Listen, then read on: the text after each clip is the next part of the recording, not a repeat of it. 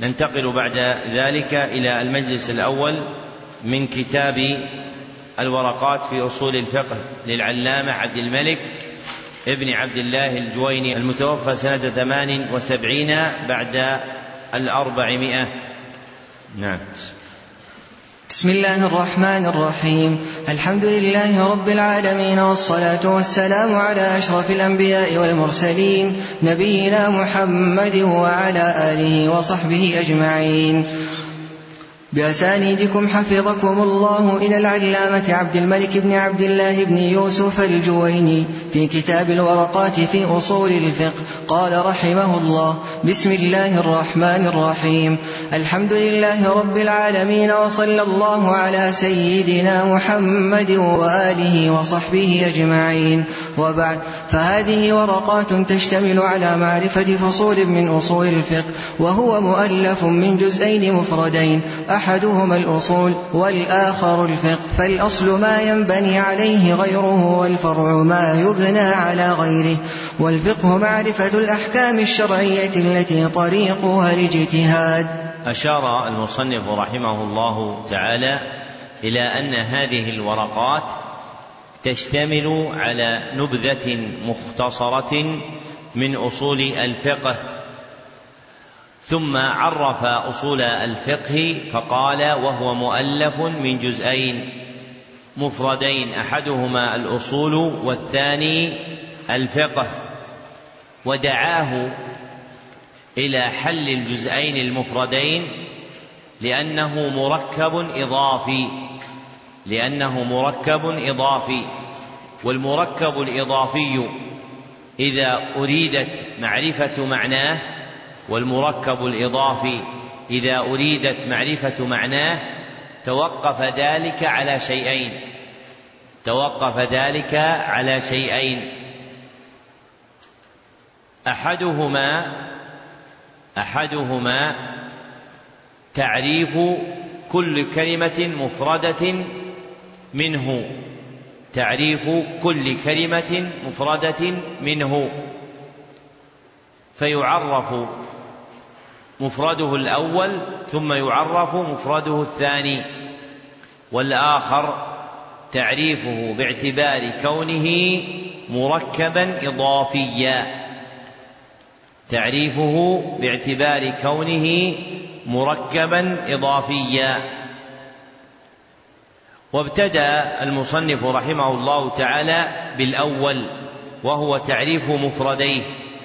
فعرف الأصل بقوله ما يبنى عليه غيره ثم عرف الفقه بقوله معرفة الأحكام الشرعية التي طريقها الاجتهاد ثم ذكر مقابل الأصل وهو الفرع واختلف في وجه ذكره تعريف الفرع على قولين واختلف في وجه ذكره تعريف الفرع على وجهين. أحدهما أنه ذكره استطرادا في مقابلة الأصل.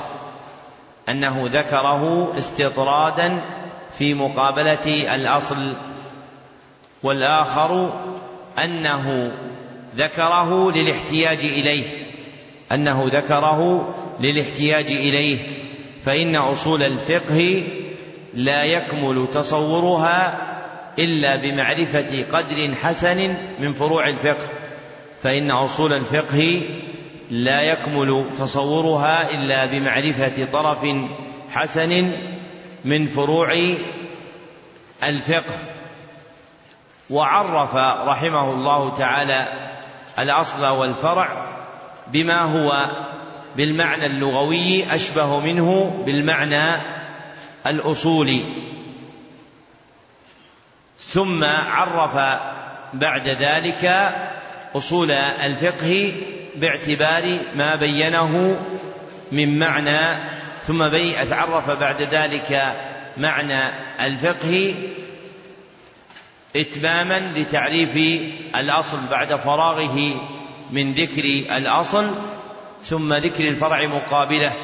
ليتم له تعريف المفردين. فعرف الفقه بأنه معرفة الأحكام الشرعية الطلبية إلى آخره. فجعل تعريف الفقه مردودا إلى ما يجده المتعلم من المعرفة. مردودا إلى ما يجده المتعلم من المعرفة. وهذه إحدى طرائق تعريف العلوم وهذه إحدى طرائق تعريف العلوم بأن يلاحظ تعلق تلك العلوم بمعرفة المتعلم. فمثلا يقال في علم مصطلح الحديث هو معرفة القواعد التي تتعلق بالراوي والمروي حالا أو وصفا. فعلق تعريف العلم بتلك المعرفة الناشئة عند المتعلم. وأصح من هذا المذهب أن تعرف العلوم باعتبارها قواعد. أن تعرف العلوم باعتبارها قواعد. فيعدل عما قيل. فيعدل عما قيل. مثلا في معرفة في علم مصطلح الحديث ويقال فيه هو القواعد التي يعرف بها حال الراوي والمروي وصفا أو حالا. فكذلك يقال في الفقه فكذلك يقال في الفقه وما يتبعه من أصوله. فينبغي أن يلاحظ فيها النظر إلى كونها قواعد. فليس الفقه معرفة الأحكام الشرعية إلى آخره بل الفقه هو نفس تلك الأحكام الشرعية بل الفقه هو نفس تلك الأحكام الشرعية. لكن الفقه ينحصر بالأحكام الشرعية الطلبية فقط لكن الفقه ينحصر في الأحكام الشرعية الطلبية فقط. فلا بد من زيادة قيد الطلبية لتخرج الأحكام الشرعية إيش؟ الخبرية التي يتعلق بها علم الاعتقاد. وهذه الأحكام جعل المصنف طريقها الاجتهاد فسبيل الوصول إليها هو الاجتهاد. فيكون الفقه الأحكام الشرعية الطلبية التي يتعلق بها الاجتهاد أي التي تكتسب من طريق الاجتهاد. وهذا مبني على طريقة الأصوليين الذين يخصون الفقه بالمسائل الاجتهادية فقط. الذين يخصون الفقه بالمسائل الاجتهادية فقط. فحينئذ يكون الفقه عندهم هو الأحكام الشرعية الطلبية المكتسبة من بالاجتهاد من أدلتها التفصيلية المكتسبة بالاجتهاد من أدلتها التفصيلية. أما الفقهاء فاسم الفقه عندهم يعم ما كان اجتهاديا وما لم يكن اجتهاديا فيذكرون هذا وذاك في أحكامهم والفقه بهم ألصق فرده إلى طريقتهم اولى فوضع تعريف للفقه باعتبار المشتغلين به ينظر به ينظر فيه إلى الفقهاء أم إلى الأصوليين؟ إلى الفقهاء. فحينئذ يقال الفقه اصطلاحا هو إيش؟ لا مهم معرفة.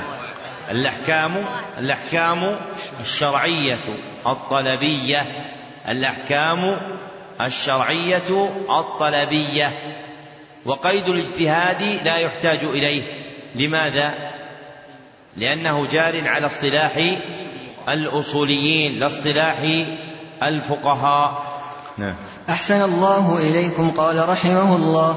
والأحكام سبعة الواجب والمندوب والمباح والمحظور والمكروه والصحيح والباطل.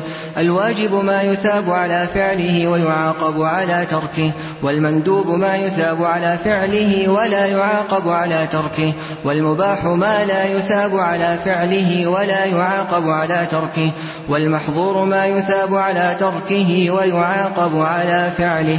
والمكروه ما يثاب على تركه ولا يعاقب على فعله والصحيح ما يعتد به ويتعلق به النفوذ والباطل ما لا يتعلق به النفوذ ولا يعتد به. لما عرف المصنف الفقه بقوله معرفة الأحكام الشرعية إلى آخره بين هذه الأحكام الشرعية الطلبية التي يرجع إليها الفقه وذكر أنها سبعة باعتبار المشهور من عد أفرادها مجموعة دون ملاحظة افتراق موردها والمتقرر عند أهل التحقيق أن الأحكام الشرعية في النظر الأصولي نوعان. أن الأحكام الشرعية الطلبية في النظر الأصولي نوعان. أحدهما الحكم التكليفي والآخر الحكم الطلبي فأما الحكم التكليفي فهو الخطاب الشرعي الطلبي. فهو الحكم فهو الخطاب الشرعي الطلبي المتعلق بفعل العبد المتعلق بفعل العبد اقتضاء أو تخييرا اقتضاء أو تخييرا. وأما الحكم الوضعي فهو الخطاب الشرعي الطلبي المتعلق بوضع علامة بوضع شيء علامة على شيء. الخطاب الشرعي الطلبي المتعلق بوضع شيء علامة على شيء.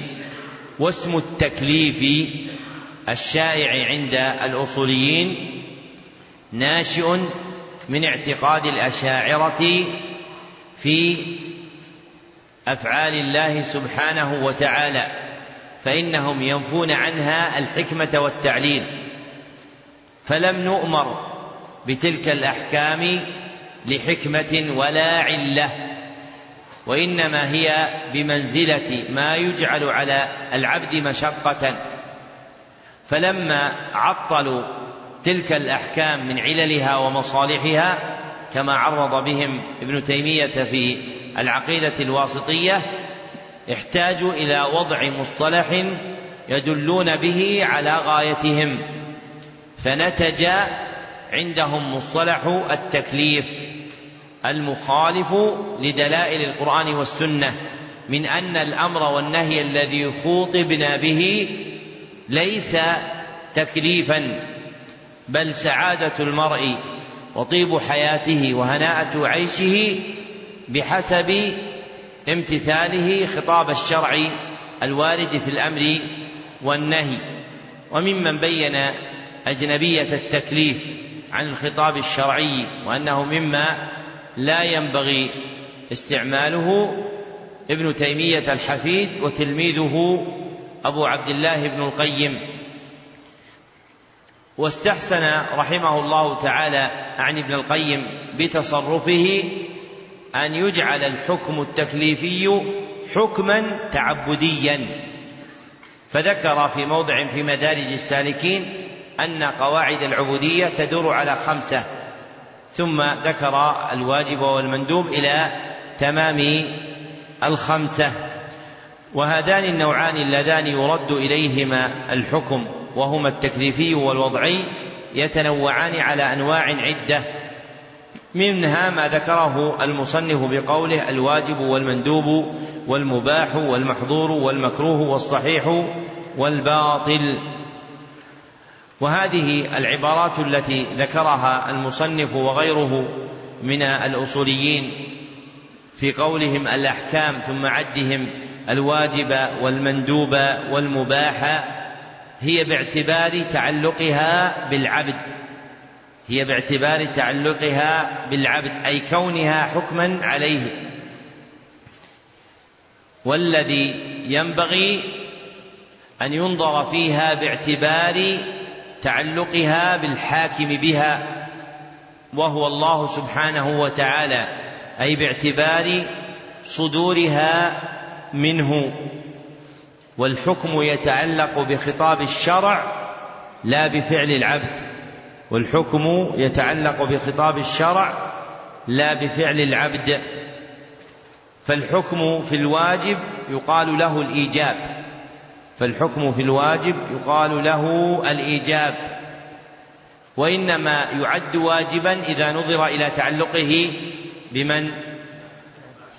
بالعبد الفاعل. وقل مثل هذا في المندوب والندب. فالندب اسم لحكم الشرع والمندوب اسم له حال تعلقه بفعل العبد. وجمهور ألفاظ الأصوليين التي يذكرونها في هذا جاءت في الشرع بألفاظ أكمل. فالواجب سمي في الشرع فرضا فالواجب سمي في الشرع فرضا والندب سمي في الشرع نفلا. والندب سمي في الشرع نفلا. ومنه الحديث الإلهي الذي مر معنا في الأربعين النووية وهو إيش؟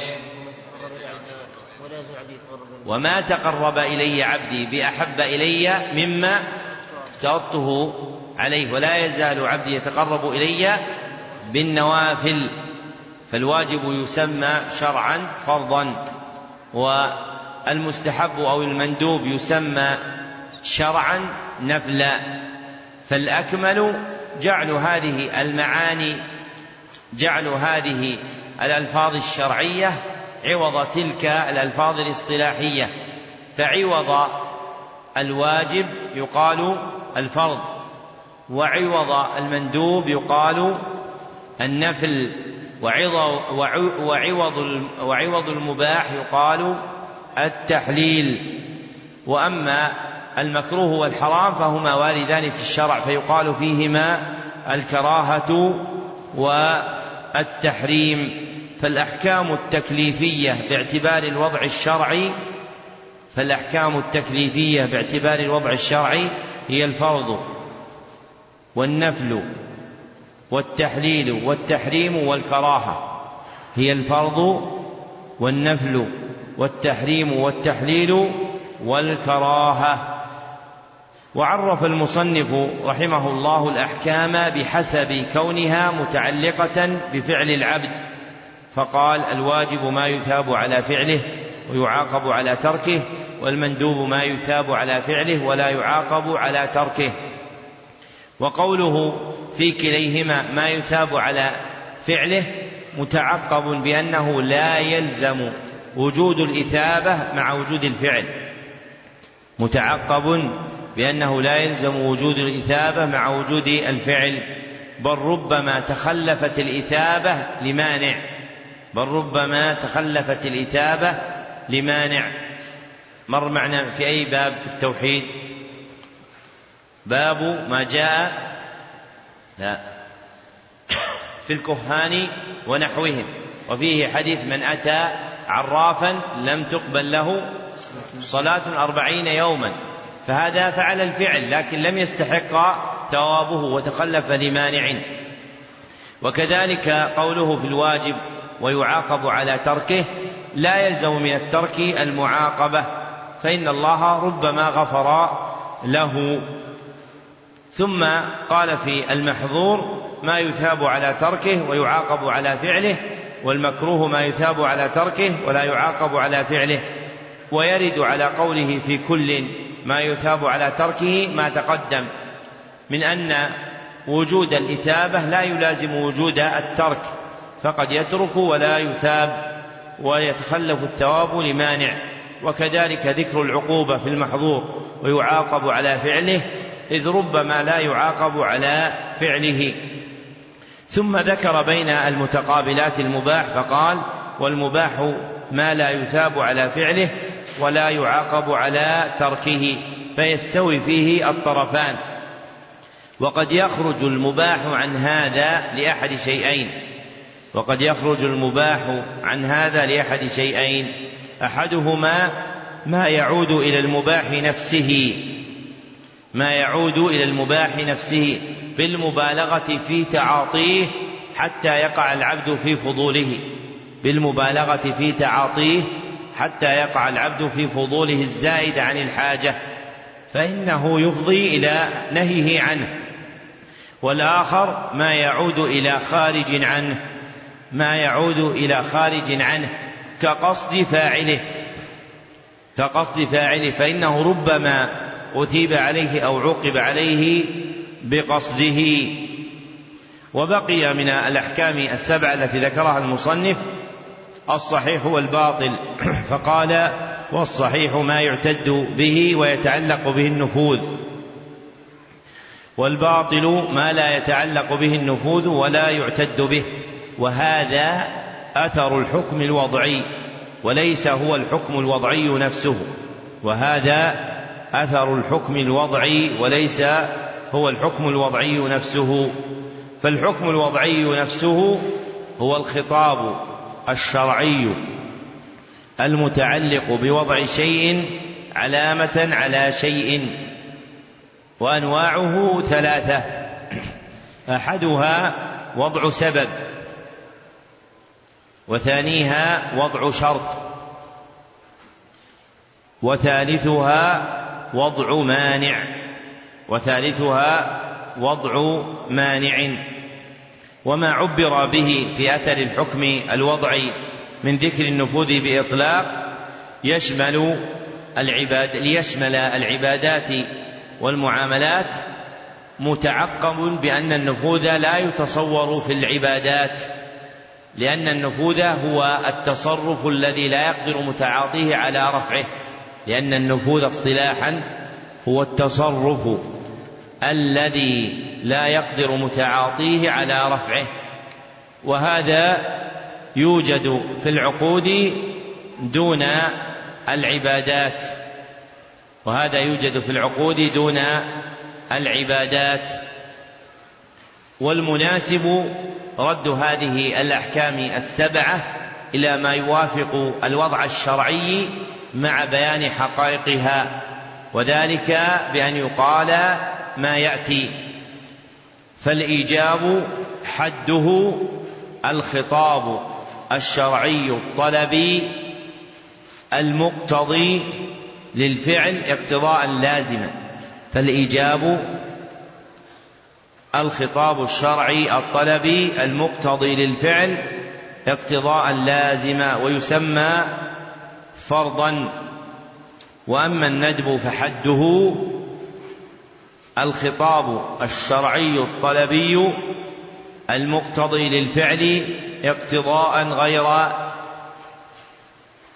إيش؟ غير لازم.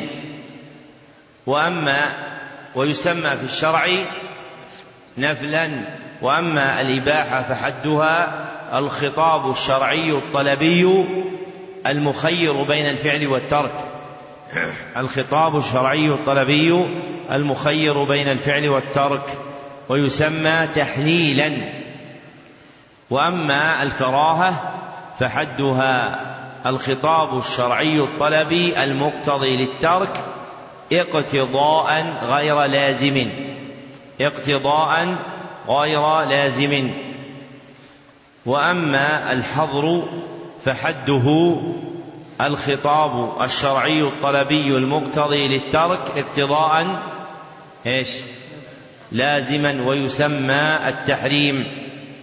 وأما الصحة فحدها الخطاب الشرعي الطلبي المتعلق بوصف ما يحتمل وجهين بموافقة الحكم الشرعي. الخطاب الشرعي الطلبي المتعلق بوصف ما يحتمل وجهين بموافقة الحكم الشرعي. وأما الباطل فحده الخطاب الشرعي الطلبي المتعلق بوصف ما يحتمل وجهين بمخالفة الحكم الشرعي. فمتى وجدت الموافقة للحكم الشرعي وجدت الصحة ومتى وجدت المخالفة؟ للحكم الشرعي وجد الباطل. ونتمم بإذن الله سبحانه وتعالى بقية مباحثه بعد صلاة الفجر بإذن الله تعالى. وأنبه هنا إلى أمرين أحدهما بالنسبة للإخوة المفوتين يشرعون من اليوم من القراءة في كشف الشبهات فما بعده. وأما ما قبله فقد انتهى وقته. وأما التنبيه الآخر فإنما يتعلق بأمر التصوير لا صلة لأحد منكم به.